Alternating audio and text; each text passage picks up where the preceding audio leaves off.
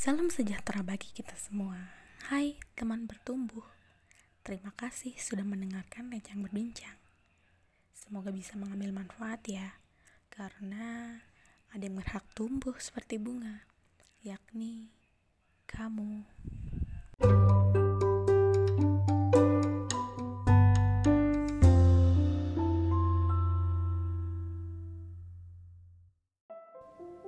Teruntuk kamu, aku, kita yang sedang berjuang di cerita atau kisahnya masing-masing, ada perjalanan menarik dari setiap tahunnya, setiap harinya, setiap bulannya, mengandung kisah maupun hikmah.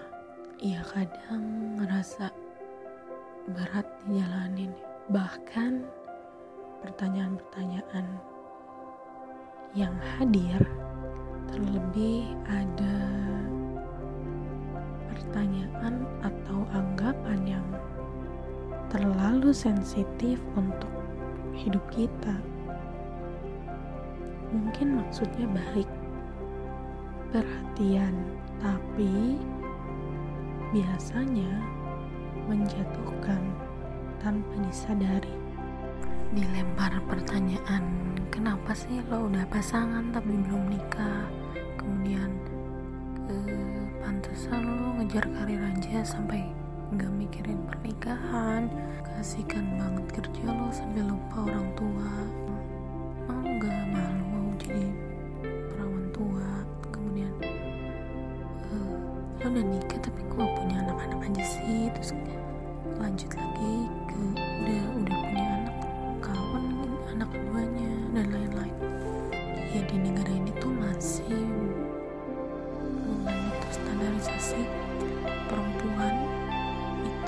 harusnya seperti apa? Perempuan itu punya hak untuk memilih hidupnya. Dia punya otoritas terhadap tubuhnya untuk meyakini sesuatu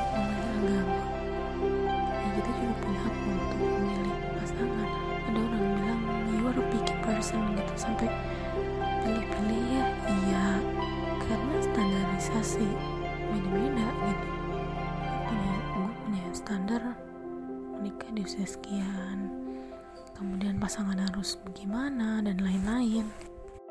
Dan nggak sedikit ini pun diungkapkan atau disampaikan oleh lingkungan keluarga terdekat. Ataupun orang-orang yang merasa sangat kenal kita padahal tidak kita sudah mulai tahu mana yang harus harus ditanggapi mana harus diklarifikasi atau tidak.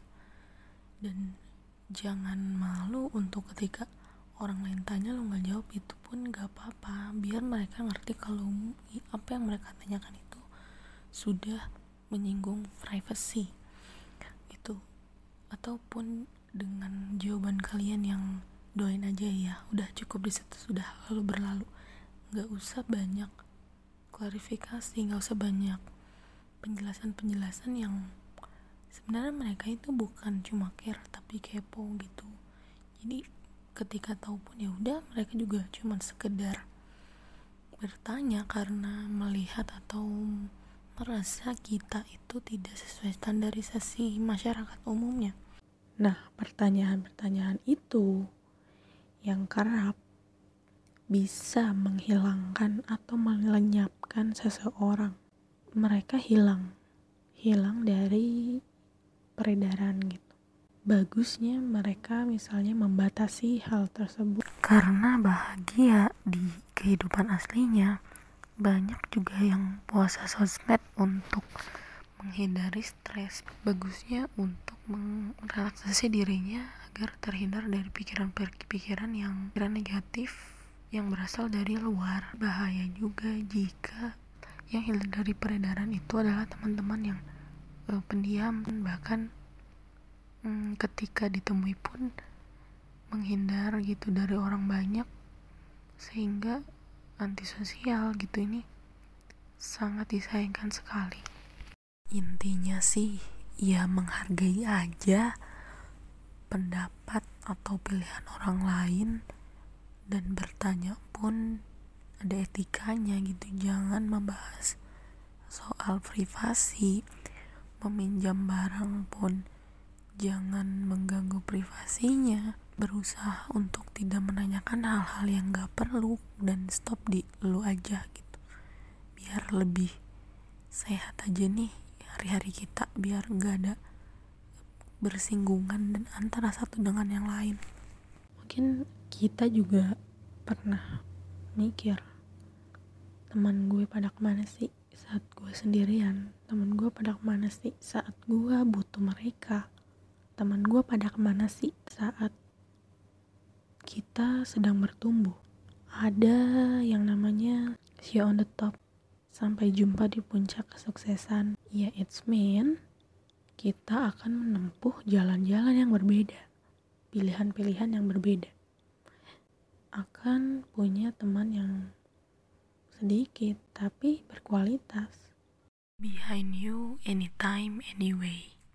Orang tua, pasangan lo, sahabat terbaik lo, yang cuma satu sampai lima orang itu, atau di satu circle lainnya, bersinggungan setiap hari walaupun bergantian gitu banyak banget hal yang perlu kita toleransi.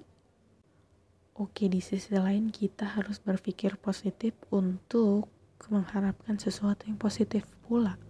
Tetapi kita tidak bisa menghilangkan perasaan-perasaan negatif atau pikiran yang muncul dari kekhawatiran. Enggak bisa tapi kita bisa memilah mana yang prioritas untuk dipikirkan, mana yang penting, dan mana yang tidak penting untuk ditanggapi. Ya, yang namanya hidup terkadang di sana disanjung, di sini dirundung. Jaga diri, jaga kesehatan, jaga kesehatan mental. Ya, selamat bertumbuh dan selamat berproses. Sampai jumpa di episode dan kisah menarik selanjutnya.